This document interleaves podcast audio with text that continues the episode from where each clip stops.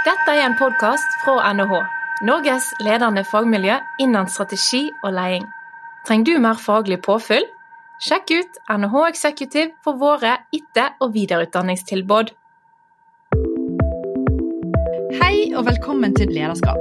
Mitt navn er Therese Sverdrup, og jeg er førsteamanuensis her ved Norges handelshøyskole. Og jeg heter Tellef Solbakk Rabe. Akkurat nå så er jeg i pappapermisjon, men ellers er jeg forsker ved SNF, samfunns- og næringslivsforskning, også ved NHH.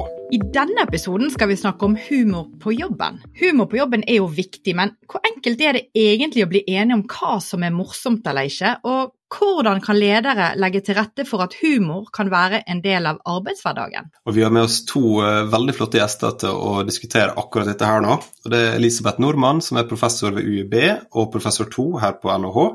Og så har vi med oss Leo Kant, som er seniorkonsulent ved AFF. Og sammen har de skrevet artikkelen som heter 'You must be joking', som handler om å rett og slett forstå humor bedre på arbeidsplassen. Så velkommen til en ny episode av Lederskap. Og klikk på abonner om du har lyst til å få med deg en ny episode. Vi har masse gøy på programmet i høst. Så hjertelig velkommen til dere, Elisabeth og Leo. Takk for det. Tusen takk. Så før vi dykker ned i dagens tema, så er det jo fint å bli litt bedre kjent med dere. Så la oss starte med deg, Elisabeth. Hva er din bakgrunn, og hvorfor er du blitt så interessert i humor som tema? Ja, altså jeg er jo um, først og fremst veldig glad for å være her. Uh, min bakgrunn er at jeg er psykolog. Uh, har jobbet mest med kognitiv psykologi, egentlig. Uh, men innenfor det temaet så har jeg forsket mye på ting som ligger i på en måte grenseland mellom tanker og følelser. Jeg har sett mye på intuisjon. Um, opptatt av hvordan tenking kan bli påvirket av humør og emosjoner, og hvordan tenking kan skape følelser eller gi opphav til f.eks. metakognitive følelser. Da, dette samspillet hele veien mellom tanker og følelser. Um, og humor dukket vel opp som et tema litt i fortsettelsen av det. Uh, jeg velger å tenke at jeg er litt sånn nysgjerrighetsdrevet, nysgjerrighetsdrevet forsker. Uh, så jeg kan bli veldig fascinert av ting som jeg syns er gøy. Humor er jo gøy, og vi stumlet vel over dette temaet litt sammen, jeg og Leo. Det kan vi kanskje komme tilbake til, men det er iallfall det som er min inngang, da. Ja, og så må vi legge til at vi skal egentlig si velkommen tilbake, Elisabeth. For du har jo vært med på en episode tidligere der vi dykket ned i emosjoner på arbeidsplassen, som allerede har mange lyttere der ute. Så om ikke dere har hørt den episoden, så vil vi anbefale den også. Så. Men du Leo, hva er din bakgrunn og din interesse for humor? Ja, ja altså Bortsett fra det at uh, jeg snakker litt rart her, man kanskje begynner med det. Det, det er jo at um, for de stakkars norske lytterne som hører at jeg skarer på r-ene, men snakker veldig rart, så er det fordi at jeg kommer fra det som min kjære bergenskone kaller for det flate helvetet. Nemlig Skåne. Så eh, jeg er psykolog til faget, akkurat som Elisabeth. for Det er jo rettet i organisasjons, eh, leder- og organisasjonspsykologi. Um, og, og, forsker også på destruktiv lederatferd. Og det er faktisk litt den veien jeg sklei inn på det her med humor. Så man kan si at det er det ene sporet, og det kan vi kanskje snakke litt mer om hvordan destruktiv atferd kan henge sammen med humor. Det er initialt kanskje litt merkelig, men der er faktisk en logikk til det. Men mest av alt må jeg si, hvorfor jeg endte opp med humor? Det er jo fordi at Elisabeth er så utrolig gøy å samarbeide med og tenke og leke sammen med. Så, så derfor har det blitt at vi har kommet inn på det her. Hmm. Ja, men så gøy. Og Innledningsvis så sa jo Therese her at eh, humor eh, på arbeidsplassen det er viktig. Og det er det sikkert mange som kan være enig i. Men um, kan dere si noe om uh, den forskningsmessige bakgrunnen for denne påstanden? Altså, hva, hva forteller forskninga oss om humor på jobben? Jeg har egentlig lyst til å begynne å svare på spørsmålet litt med å si at humor på arbeidsplassen er veldig mye forskjellig. Ja. Uh, sånn at egentlig så er det ikke ett tema med én tydelig retning eller ett tydelig fokus. Det er egentlig et sammensurium av forskjellige undertema. Uh, og hvis jeg bare skal ta nevne noe, så er det jo sånn uh, Så tenker man at humor kan ha en funksjon, at det kan være stressreduserende. Sant? Og det ser vi mange eksempler på på arbeidsplasser hvor folk, også i yrker hvor det er et stort alvor, så kan man bruke humor og galgenhumor som, som et slags utløp for stress. Eh, men så vet vi også at jobben kan også være det vi innenfor emosjonsforskning kaller for eh, humørinduserende. Altså det å stå overfor ting på jobben kan gjøre oss stresset og sure og glade og triste og alt mulig. Um, og, og, et helt annet tema det er jo arbeidsoppgaver som løses best når man er i et bestemt humør. Mm. Altså det å være Hvis du skal, ønsker å være kreativ og innovativ og tenke stort og bredt, så lønner det seg å være i positivt humør. Men hvis det er viktig å ha et blikk på detaljene, så lønner det seg å være mer alvorlig. Jeg vil ikke si at det nødvendigvis lønner seg å være sur, men, altså, men det er også en side ved det. Og så kan humor være destruktivt. Leo var inne på det med mm. destruktiv ledelse. Eh, vi kan ha humor med gode intensjoner som bommer fullstendig. Eh, og så har vi dette som heter emotion work. At vi eh, i noen tilfeller, også på jobb, kan bruke mye energi på å prøve å få det til å virke som vi føler på en bestemt måte. F.eks. hvis sjefen prøver å være morsom, så kan vi anstrenge oss for å le av det. Og så kan jo humor, tøysing og tulling eh, være rett og slett eh, en måte å kaste vekk tiden på. Mm. Distraksjon. Men jeg kanskje legge til også altså et felt som jeg vet eh, ligger nærmt deg, Therese, er jo psykologisk trygghet. Mm. Alltså i eh, team eller en gruppe eller någonting. Alltså det at man kan leke litt med normerna og ikke være så voldsomt hellig og, og tørre å eh, drita seg ut litt grann eller fleipe litt grann med en annen. eller noe sånt kan jo, kan jo eh, også være på den funksjonelle siden som Elisabeth beskriver, nemlig at man kan da løfte takhøyden litt. Grann. Vilket er generelt positivt, fra alt fra ytelse til, til trivsel på jobben. Men det går også å tråkke eh, veldig, veldig feil og begynne å bli en bølle, en mobber, en eh, misogyn eller rasist eller noe sånt. Og da er vi ute på et helt annet felt. Mm. Men ok, så, så, det finnes altså masse forskjellig forskning på humor i ulike sammenhenger. sant? Så uh, Funksjon av humor, ulike former for humor og mm -hmm. hvordan det benyttes. Uh, det er jo spennende å tenke da, at det finnes egne forskningsfelt som bare er dedikert til dette her i ulike kontekster. Det er veldig gøy. Um, men vil dere si litt om den artikkelen dere har skrevet? -hmm. Hva er det dere fant i deres studie? Vi kan kanskje si grunnpremisset at vi fant denne eh, teorien som heter benign violation theory, som andre forskere har kommet med. Eh, eh, og den sier ganske så enkelt at hva er humor? Jo, det er det som er eh, går over strek nummer én av to, nemlig er et forventningsbrudd. Det er noe annet enn det du forventer. Og så gjør den det uten å gå over strek nummer to, altså der det blir malign eller der det begynner å gjøre vondt. Så med andre ord er det en såkalt sweet spot midt mellom disse to streker der det just er eh, morsomt. En vits eller noe som skjer er morsomt. Den teorien vi har tatt utgangspunkt i, heter som da Leo sa, benign violation theory. Og den er opptatt av disse grenseoppgangene. Eh, altså humor er alltid grenseoverskridende. Og så er jo egentlig det store spørsmålet hva er det som gjør at noen oppfatter grense, en grenseoverskridelse som morsom eller krenkende? Mm. Altså hva er det som avgjør hvor den grensen går? Eller bla uh, og kjedelig, altså at det ikke ja. blir en grenseoverskridelse i det hele mm. tatt. Mm. Mm. Og da er et viktig nøkkelord det er jo det med psykologisk avstand. Eh, og det er jo allmenn kjent egentlig at hvis noe veldig vondt og vanskelig har skjedd, så kan vi ikke tulle med det med en eneste gang. Spesielt ikke hvis det vonde og vanskelig har skjedd med noen som står deg nær, eller som står noen i den sosiale situasjonen nær. Sant? Sånn at når vi mm. får ting litt på avstand, og noe ikke angår oss så mye, eller ikke har skjedd noe nettopp, eller ikke er så, så alvorlig, så er det lettere å tulle med. Sant? Eh, eller lettere at tullingen blir vellykket, da. At du treffer den sweet spoten. Uh, og en sånn avstandsfaktor som man har sett på, det er jo sosial avstand altså mellommenneskelig avstand. Eh, å tulle med en sosial gruppe som du tilhører, altså som noen tilhører, det kan fort eh, Ja, det kommer veldig an på situasjonen, selvfølgelig, men det kan oppleves krenkende, eh, sårende, ikke morsomt. Eh, men så har ikke den teorien spesifisert noe særlig mer når det gjelder det med sosiale avstand, og her gikk vi inn og, og prøvde å på en måte plukke ting fra hverandre. Eh, for i en situasjon hvor en person prøver å være morsom overfor en eller flere andre, så er, jo, så er det egentlig ulike former for sosial avstand inne i bildet. Mm. Eh.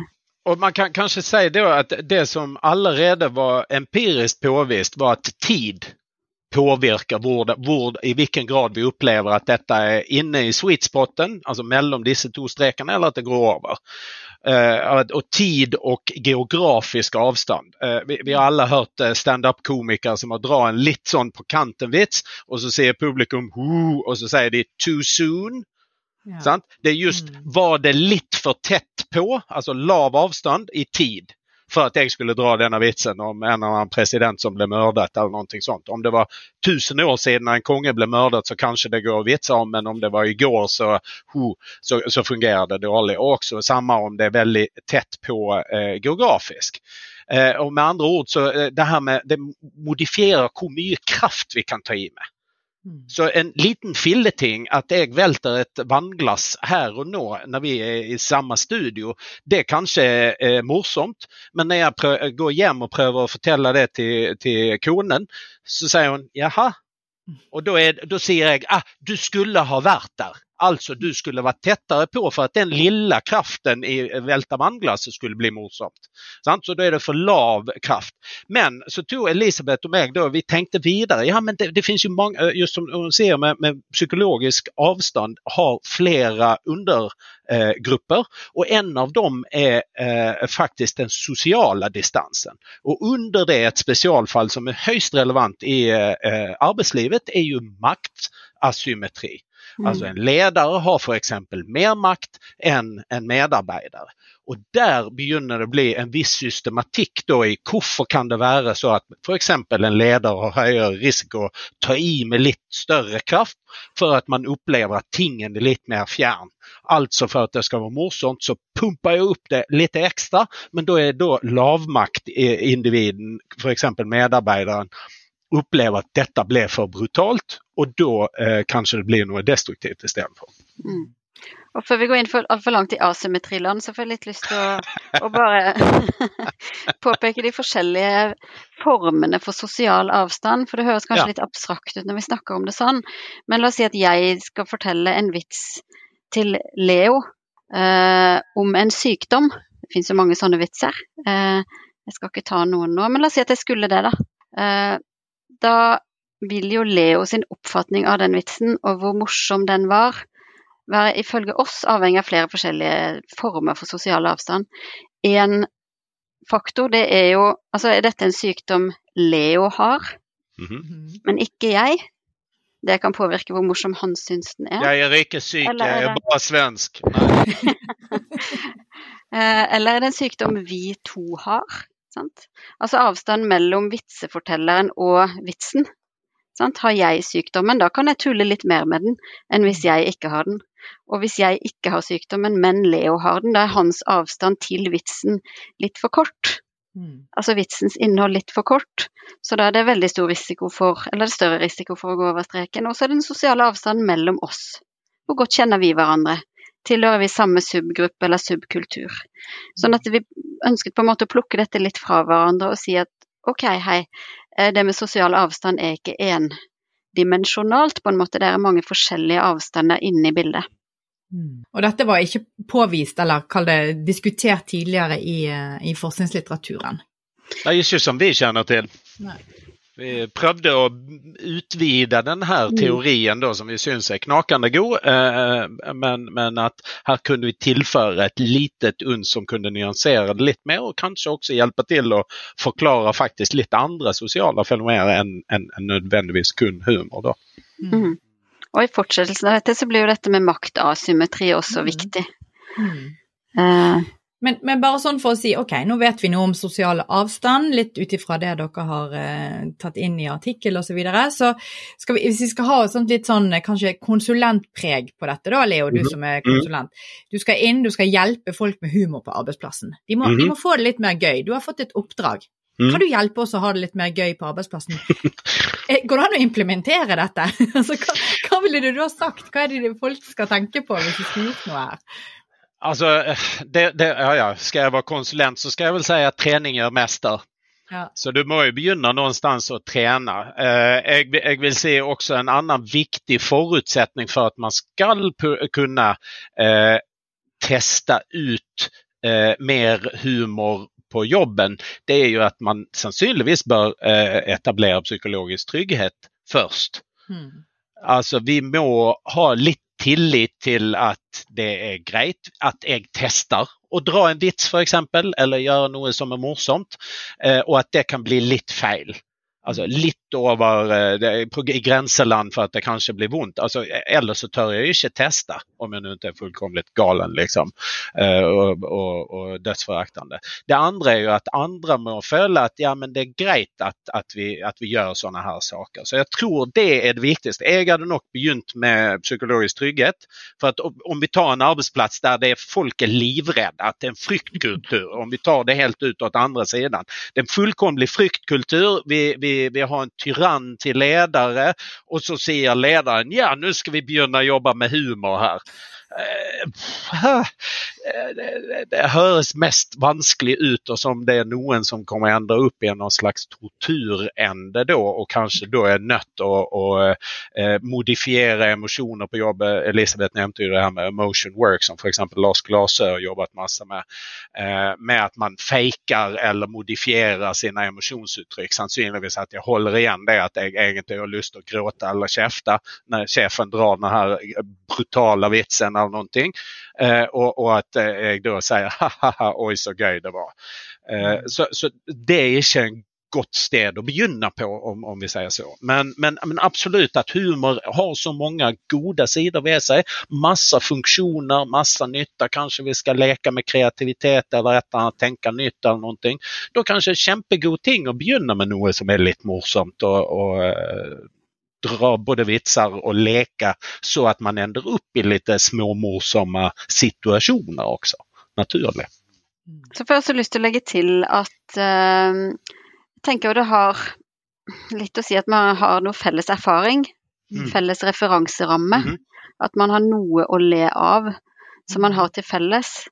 Eh, og jeg tenker at det ligger jo på en måte i bunnen både for, for, at, skal, altså for at humor skal bli vellykket. At eh, det er ikke det at alle sammen skal være prikk lik, men at vi, at vi på en måte har en viss form for felles referanseramme og en viss form for eh, enighet, eller hva jeg skal kalle det, jeg vet ikke hva, hva du tenker, Leo, um, om det. Og jeg tenker, la oss si, hvis ikke vi har noen ting til felles, altså hvis du setter sammen en gruppe som består av folk med alle verdens forskjellige erfaringer og i ulike aldre og, Mm. og med all variasjon du kan tenke deg, så koker det på en måte ned til litt sånn slapstick-humor vi har til felles. Det vil også jeg bare si det. Ja. Ja, så, jeg- så jeg vil litt understreke det med å på en måte skulle påtvinge humor veldig tidlig i en prosess. Jeg vet ikke helt hvor lett det er, altså. Nei. Jeg bare fikk lyst til å eh, Er det lov å dra en historie? Absolutt. Mm. Fordi at når du snakker, Elisabeth, får jeg den eh, tanken i hodet om disse felles erfaringene med min første arbeidsplass. Jeg jobbet på Høgskolen i Hedmark, avdeling Rena. Eh, veldig glad i de folkene der, men vi hadde forskjellig humor. Fordi at vi i Bergen vi er veldig sånn her Hva er det, står du her og henger? Kan vi si til de i gangen. Sånn? Fordi det er en måte å innlede en samtale på. Og. De jeg sa det til, det var noen vaktmestere, de skvatt jo til. Nei, unnskyld, jeg, står, jeg jobber virkelig.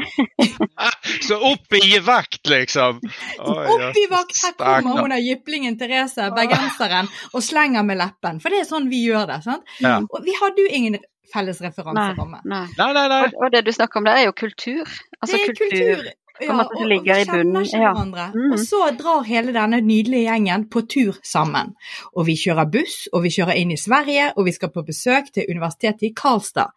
Og der kommer vi etter å ha kjørt lenge og vel, får et deilig måltid, varmt selvfølgelig, for det er i Sverige. Og så setter vi oss inn i auditoriet, og vi blir trøtt. Hva skjer? Der sitter det noen der, står foran og skal fortelle om universitetet. Så sovner en av våre professorer og detter på gulvet. Og det blir skrammel og rammel. Og, og, og han detter sånn opp igjen, og du aner ikke, og vi andre er pinlig berørt. Oh my god, ingen sier noe, ingen ler. Men det referansepunktet vi hadde etterpå, når vi yeah. kom hjem. Mm, mm. Husker dere den gangen vi Ja, var ja, var i Karlstad, og X eh, sovnet, og vi le... Skjønner du? Mm, Så det mm, var Ja, ja. bare det. Mm. Felles erfaringer. Bare kom på det som en idé, hvordan det kan mm. eh, Og det er jo et kjempe, kjempegodt eksempel på akkurat det. Ny, nydelig poeng. og jeg mener, vi- vi- hvis vi bare tar, altså Det du begynte med å si, Elisabeth, og det du også beskriver nå, Therese, det er jo at humor forutsetter at du har litt peiling på normene. Mm. Enten de individuelle normene, värderingsgrunnlaget eller noe som man styres av om en er dypt religiøs og den andre ikke, eller at vi kommer fra veldig forskjellige nasjonelle kulturer, eller at vi, vi har en liten clash her i forhold til hva forventningene er på rollene. På Mm. vaktmästarna du beskrev eller, eller den nye akademikeren i organisasjonen osv. Så, videre, så er det kanskje forskjellige normer knyttet til roller, til organisasjonens kultur, til nasjonelle kulturer osv. Så, videre. så det vil jo si at i humor så trenger du alltid være litt sånn eh, eh, oppdagelsesreisende, liksom. Sette på deg eh, Mm. Indiana Jones-hatten og liksom gå ut og være litt nysgjerrig på hva er normene som er i spill her? Du må finne de sånn cirka, og så kan du begynne å teste. Eh, legge ut små sonderinger og så, sm- små vitser, og så tar det litt lenger og litt lenger og litt lenger, og så kanskje du eh, møter da bortre grensen også. Og da har du på en måte kartlagt området og ser hva er de andre kapable å ta imot, og hva kan jeg eh, gå i gang med, gitt den rollen og, og normene vi har her. Mm. Men det er akkurat det ditt, øh, dette dere har utforska i artikkelen deres. Altså Disse hårfine grensene mellom hva som er morsomt og hva som kan bli for drøyt. og eh, Det høres jo Man får jo nesten eh, humor til å høres litt sånn skummelt ut, eller risikabelt ut. For på en arbeidsplass så vil Ja, det er en være veldig- høyrisikosport. Ja, er, jeg ser for meg at på en arbeidsplass med om det så bare er ti ansatte, da, så vil det være ganske ulike oppfatning av hva som er morsomt eller hva som er innafor og utafor. Så hva er, hva er risikoen her? Eh, Vil du svare på det, Leo? Altså, hva risikoen er? Altså, det spørs jo återigen hva slags eh, eh, psykologisk trygghet har vi i det her gjenget på ti. Eh, Får jeg lov å ta interpersonell risiko i det hele tatt? Eller får jeg ikke det? Og gitt at det er lov å teste ut det litt, så er jo nødvendigvis ikke konsekvensene enorme i å teste det. Men om jeg tar i med, med storkanonene på en gang, da er det jo eh, sånn sett ganske høy risiko eller sjanse eller sannsynlighet at jeg tråkker noen på tærne. Og da må jeg rett og slett være bevisst det. Er, er, er jeg villig å gjøre det? Eh, hva har det for konsekvenser for andre? Men, men jeg tror at mye av dette er ganske automatisert hos folk. Altså Folk eh, fleiper jo hele tiden, og det er jo en sunn sak. Så, så eh, vi, vi skal ikke skremme opp folk altfor mye heller. Altså Tør å, å, å teste humor. Eh, Så klart, du har sikkert gjort det hele ditt liv i større eller mindre grad. Og du vet også sikkert dine egne begrensninger om du er hele slektens stand-up comic eller, eller du er en sånn som alltid gjør som Sheldon i Big Bang Theory og tråkker noen på tærne. sant? Men jeg tenker det er litt sånn som i all annen eh, psykologi. altså Når vi begynner å gå dette fenomenet nærmere etter i sømmene og snakker om det, så, så kan man komme i skade for å sitte igjen med et inntrykk av at dette skal, er på en måte noe vi skal tenke så gru, grusomt nøye over i det daglige livet, Og det er jo ikke det. Vi snakker om ganske sånn automatiserte ting. Mm. Eh, og når Leo sier at det er litt sånn å gå på oppdagelsesferd, så er det jo ikke sånn at man setter seg ned med notatblokken og på en måte registrere hva folk ler av og ikke og sånn. Eh, eller at man på en måte skal gå gradvis fram i alvorlighetsgrad av vitsene sine. Men, men det er noe som går litt av seg selv. Men at, ja. at det blir automatisk. Altså vi er jo stort sett på en måte de av oss som er noenlunde veloppdragne og sosialiserte, vil jo på en måte av oss selv gå litt forsiktig fram, da. Uh, eh, ja, og så tenker jeg på spørsmålet litt om, om risikoen ved å gå over grensa, så er det jo også dette her og risikoen for å såre, risikoen for å krenke, risikoen for at noen på en måte attribuerer noen dårlige egenskaper til deg, da. Mm. Eh, I begynnelsen av prosjektet så, så jeg og Leo litt på dette med, med attribusjon. Altså hva tenker vi om noen som oppfører seg på, på måte X i situasjon Y. Eh, Sånn at det er jo den type risiko vi snakker om, da.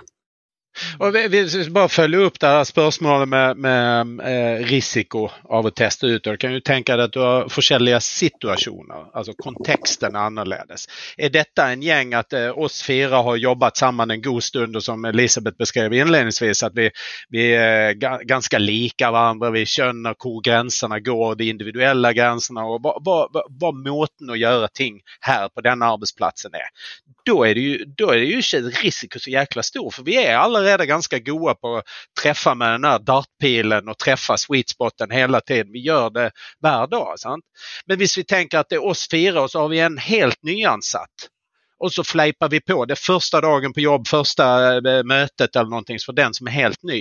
Og gjerne litt annerledes enn oss. Og så kjører vi på og fleiper om de der sjukdomarna som vi pleier och, och vitse om, som Elisabeth liker så godt. Eh, og, och, så ler vi. Og så, och så, vet vi ingenting om denne stackars nykomlingen vars mor eh, nettopp har blitt syk. Eh, og eh, noe sånt, sant? Da er det en kontekst. Du kan tenke deg er det en krisesituation? Eh, återigen at eh, humor og vitser og sånt kan være en forstyrrelse ledelse. Og Det kan jo være hvis vi i en eller annen skikkelig akutt situasjon der vi virkelig trenger å fokusere oss på jobben. Og der er jo eh, Bare huske på at vi snakker om humor på jobben, så da er det ikke bare det koseklubben, kompisgjengen som liksom har sitt sosiale premisser for å ha den gruppen. Men på jobben skal vi også få jobben gjort.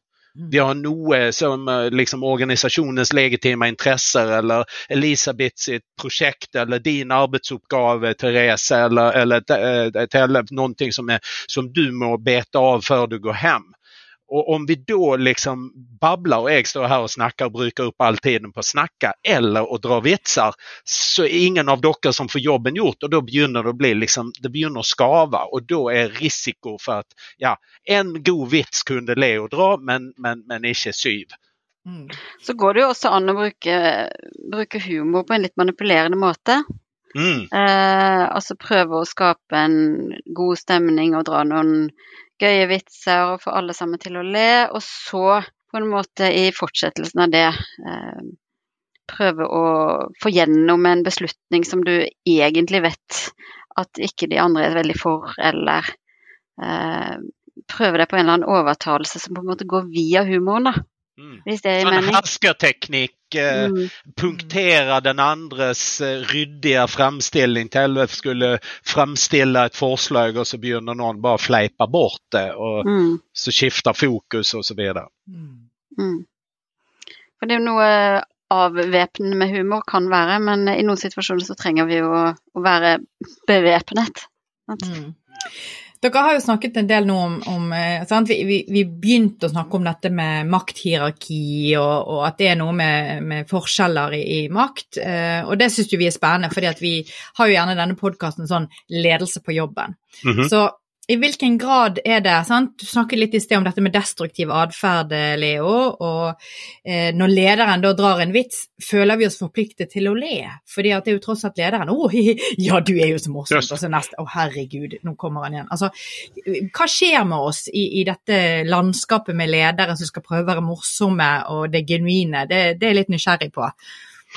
Jeg skulle kanskje tatt to poeng. Då. Alltså det ene er det som Elisabeth nevnte, det her med emotion work. Alltså att det er godt etablert at alle på arbetsplatsen holder på å jekke opp sine emosjonelle responser eller jekke de ned. Alltså mm. overdriva, underdriva, til og med noen ganger fejka eh, eh, emosjoner som man ikke i det hele tatt uh, har. Og, og, der har jo bl.a. empirisk forskning av, av bl.a. Lars Glase og andre kolleger her i Norge eh, vist at blant medarbeidere så er det i stort sett en viktig grunn til å drive med det. Det er nemlig å ha jobben kvar. Mm.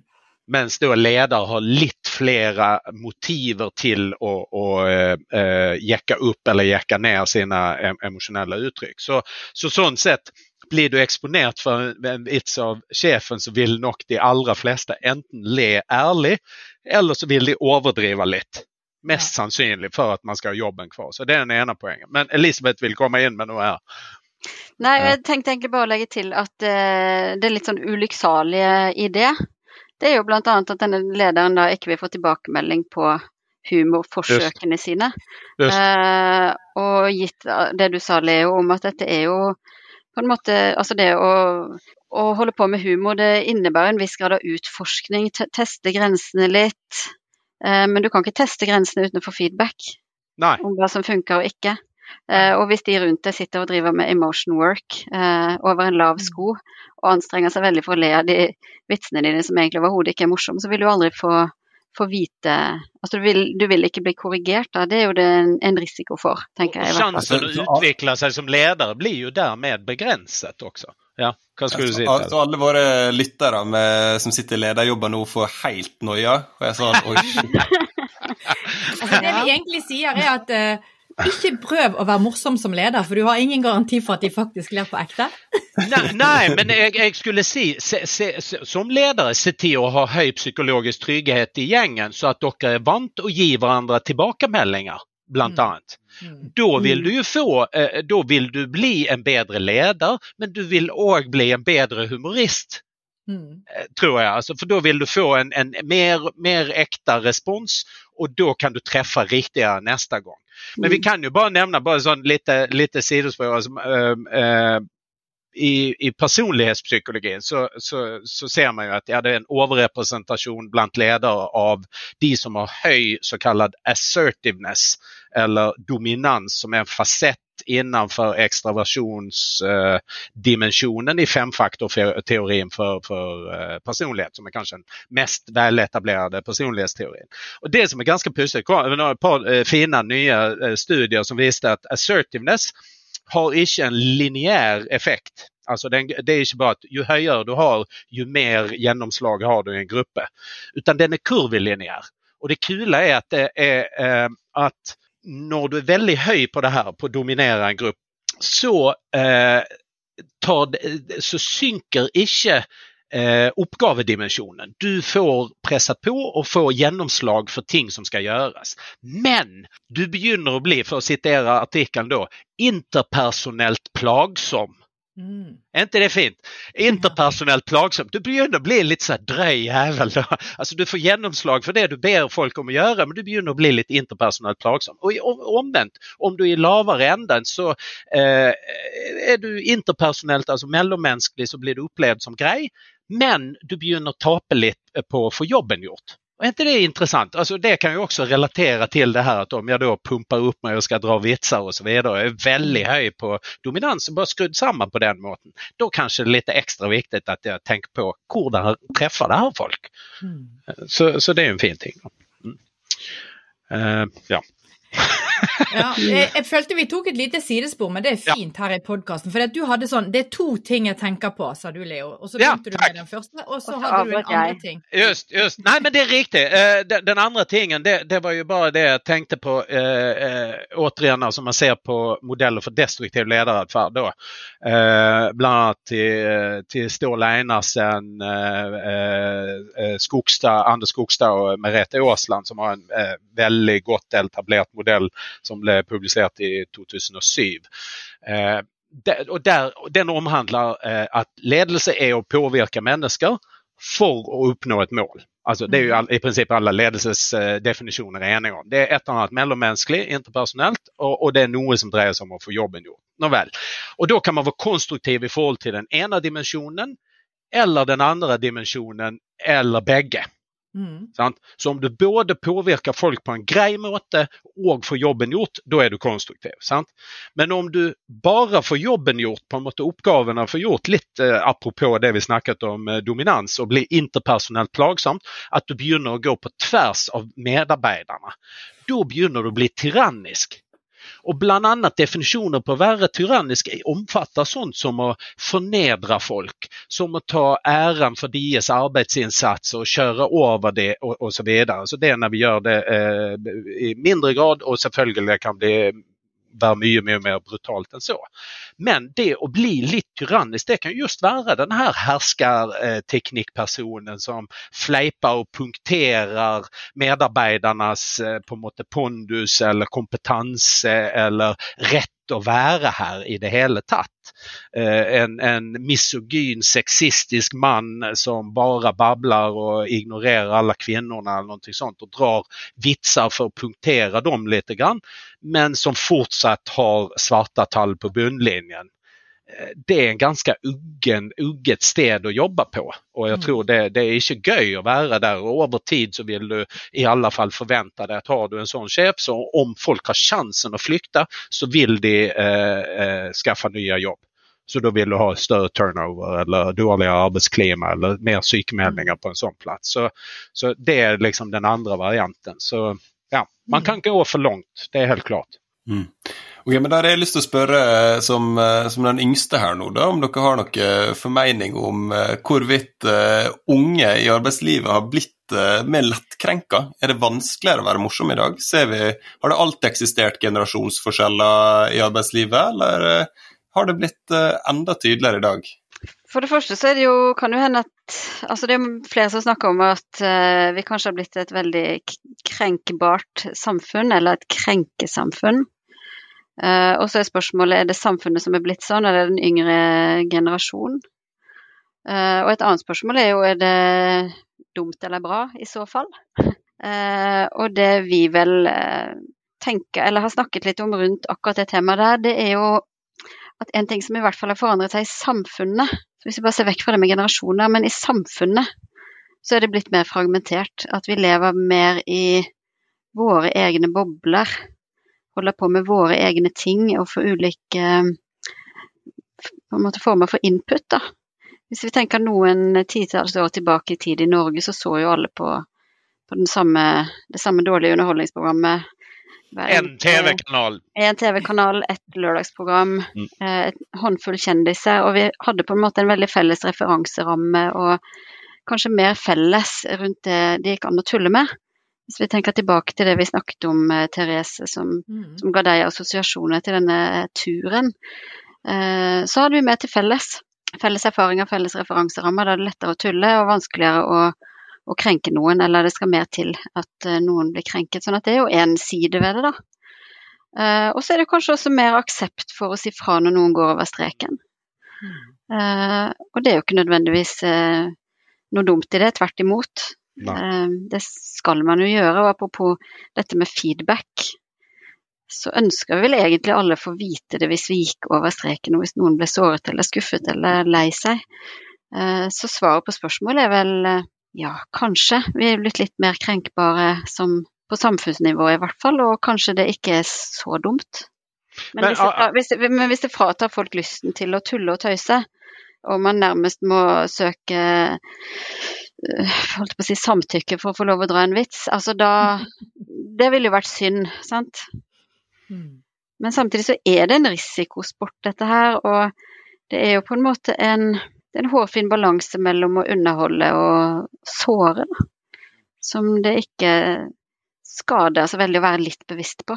Så jeg, jeg ville bare støttet deg, eh, Elisabeth, der og tenke at ja, men vi, vi bør vel i utgangs utgangspunktet sette pris på den tilbakemelding vi får og den tilbakemeldingskultur vi har også på arbeidsplassen. Ikke minst om det er drevet av de unge eller nye på jobben. Det er jo kjempebra. Eh, da kanskje de kommer inn og ser på de gamle liksom, etablerte normene som folk ikke ens engang ser lenger, og sier ja, hvorfor er keiseren naken? Eh, altså, det, det, det, er jo kjempebra. Og, og jeg tenker tilbake, apropos eh, konsulent jobben min. Og, og tenk på når, når jeg jobbet med, med, seleksjon og trening av plattformsjefskandidater som, i forhold til deres rolle som beredskapsleder. Og Da fikk de just tilbakemeldinger på både konstruktiv atferd, men også det de gjorde feil. Det er ikke humor vi snakker nødvendigvis om, mm. men det her med å få tilbakemelding om det som var problematisk, det som var too much eller too little.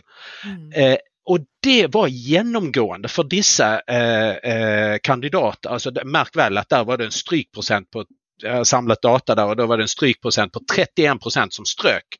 Og de, Det var en sånn make or break-greie i karrieren, så det var veldig alvorlig for dem. Men alle sa det at det var tilbakemeldinger om det de gjorde eh, som var potensielt destruktivt. Det var det. De hadde aldri fått sånn tilbakemelding tidligere, og det var den de vokste på. Så det å ha en, en kontext, og der var det jo en kontext med det her så vidare. Det var så tryggt man kunne gjøre det fast det var veldig alvorlige konsekvenser i karrieren. Så var det ryddigt og tydelig og konkret tilbakemelding og en mulighet å gå inn og testa på nytt. Og det hjelpte jo folk. Det gjør at folk vokser. Så jeg tänker, var glad i de som gir deg tilbakemelding. Hjelp til å gjøre det så at det blir mer en, en kultur. Återigen psykologisk trygghet, høy takhøyde, at vi er flinke. Og, og krev heller at det er konkrete og spesifikke i sin tilbakemelding til deg. For da kan du lære deg å bli bedre ledere, bedre menneske og bedre humorist. Mm. Og så får jeg vel lyst til å legge til uh, at den type tilbakemelding er litt fint å ta der og da. Sant? Nå, vet du hva, det der var ikke morsomt. Nå syns jeg du gikk over streken. Dette, dette, må du tenke litt over. Og at på en måte det også må være et mål å klare å være litt Hva skal jeg si Respondere litt naturlig på, på også når noen går over streken med humor. At mm. istedenfor å eskalere det og altså Istedenfor å gjøre det til noe formelt Jeg sitter og har i bakhodet uten at jeg egentlig har lyst til å komme inn på det, denne tyskervits-saken som var på mitt institutt. Mm. mm. Og jeg tenker at det er ikke sikkert at det hadde trengt å bli noe problem hvis en hadde tatt det der og da, da. Mm. Eh, men jeg har egentlig ikke lyst til at denne podkasten kan handle om det, men um... Nei, men det er et veldig konkret eksempel, det er jo det som er, mm. for man sitter gjerne og tenker hva Og jeg er jo enig, som du sier, at hvis vi hadde hatt et samfunn eller en arbeidsplass der det, det, gikk an. Du tester ut en fleip, men du får tilbakemelding. Mm. Og, og, da er du inne på det du snakker om, Leo, med denne psykologiske tryggheten. Ja. Eller egentlig det jeg har lyst til å si, er jo sånn Her hos oss så vet jeg at de alle på jobben vil meg vel. Ja. De vil meg vel. Just. Og, og, når jeg kjenner på at folk vil meg vel, så har jeg en helt annet rom for å tåle ja. å kunne gi tilbakemelding. sant? Mm. Ja, da, og da mottar du de tilbakemeldingene med det som bakteppe, da. Ikke sant. De er ikke ute etter å ta meg, men mm. de vil meg vel. Sant? Just. Og, og, det er jo det jeg har lyst til å si høyt på, jeg vet ikke om vi skal ha det med i podkasten, men vi må ha en episode på tilbakemelding og ja. feedback. For ja. det er eh, noe vi har fått etterspurt også, for jeg tror ikke vi er godt trent på det. Mm. Og, og, det er trening som man kan, eh, man kan lære seg, og ja, så det skal vi ha. Men mm. vi må etter hvert begynne å gå inn for landing. Ja. Eh, og vi hadde jo en episode med Nicolai Tangen. Han mm -hmm. snakket mye om humor og hvor viktig det var. Og eh, hans personlige assistent, den største jobben hun hadde hver uke, det var å finne et humorklipp foran hvert ledermøte som mm. hadde noe med saken de skulle ha, men så satte de den rette modusen. Ja. Og da blir jo spørsmålet er det sånn man skal jobbe med humor på arbeidsplassen. Hva tenker dere om det? altså jeg tenker umiddelbart når du sier at dette er jo en form for humørinduksjon. Mm. Altså det å gjøre et eller annet aktivt, presentere folk for en eller annen form for stimuli for å sette dem i en positiv humørtilstand. Mm. Noe som gjør at folk eh, i utgangspunktet kanskje er litt mer eh, klarer i litt større grad å se de store linjene, være fleksible, kreative, åpne for Just. nye ideer og forslag.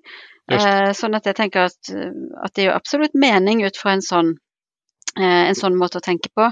Men om dette er en måte å jobbe med humor på, det vet jeg ikke. Eh, det er jo kanskje å skape en kultur for at her er det lov å le, og det er lov å mm. tøyse litt og ha det litt morsomt. Så sånn sett er det jo eh, egentlig to fluer i en smekk, da. Ja, flere aspekter. Jeg tror mm. både den setter folk i humør, kanskje viser at vi är villiga att leka med tematikken, alltså se den för just det kreativa aspekter på tematikken vi ser på. Eh, og så er det vel altså, bare klassisk retorik fra 2000 år tilbake at det er bare en fengende start også. Det er mindre risiko att eh, den ene professoren detter av stolen for at eh, det er så dørgende kjedelig å sitte gjennom det långa mötet. Sant? Så, så, så, så det er sikkert flere poenger med men så kan man jo også ane at det kanskje kan bli litt krystat ibland där man tvångsmässigt eh, kör det också på väldigt allvarliga teman som eh, vi, vi må få bara få någonting snabbt och effektivt gjort här. Så eh, ja, pröv det ut. Alltså, mm. whatever works. Vi, vi, bruker jo alltid å avslutte episodene våre med å få tre tips eh, fra, mm. fra, gjestene våre. Men da foreslår jeg at vi har fått ett tips fra Nicolai Tangen. Og så vil jeg utfordre hver av dere.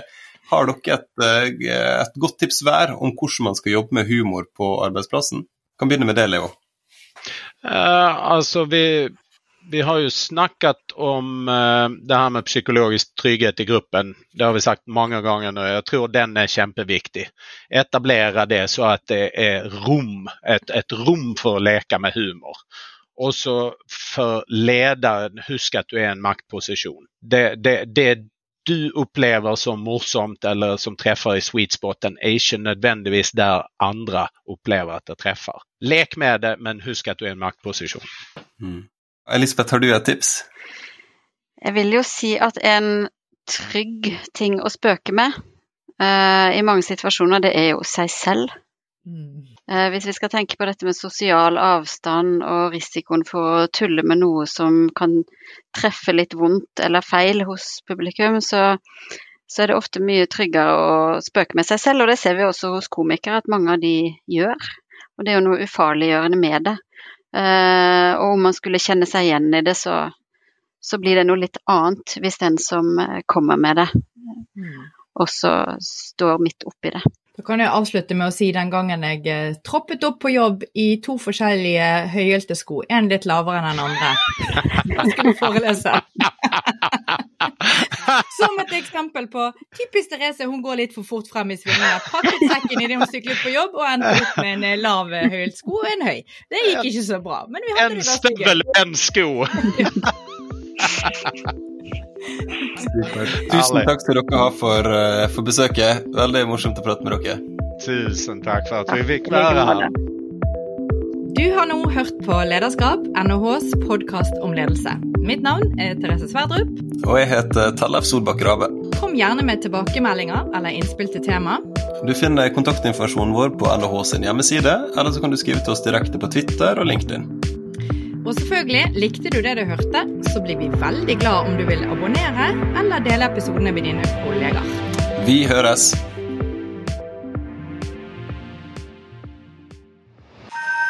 Dette er en podkast fra NHH, Norges ledende fagmiljø innen strategi og leding.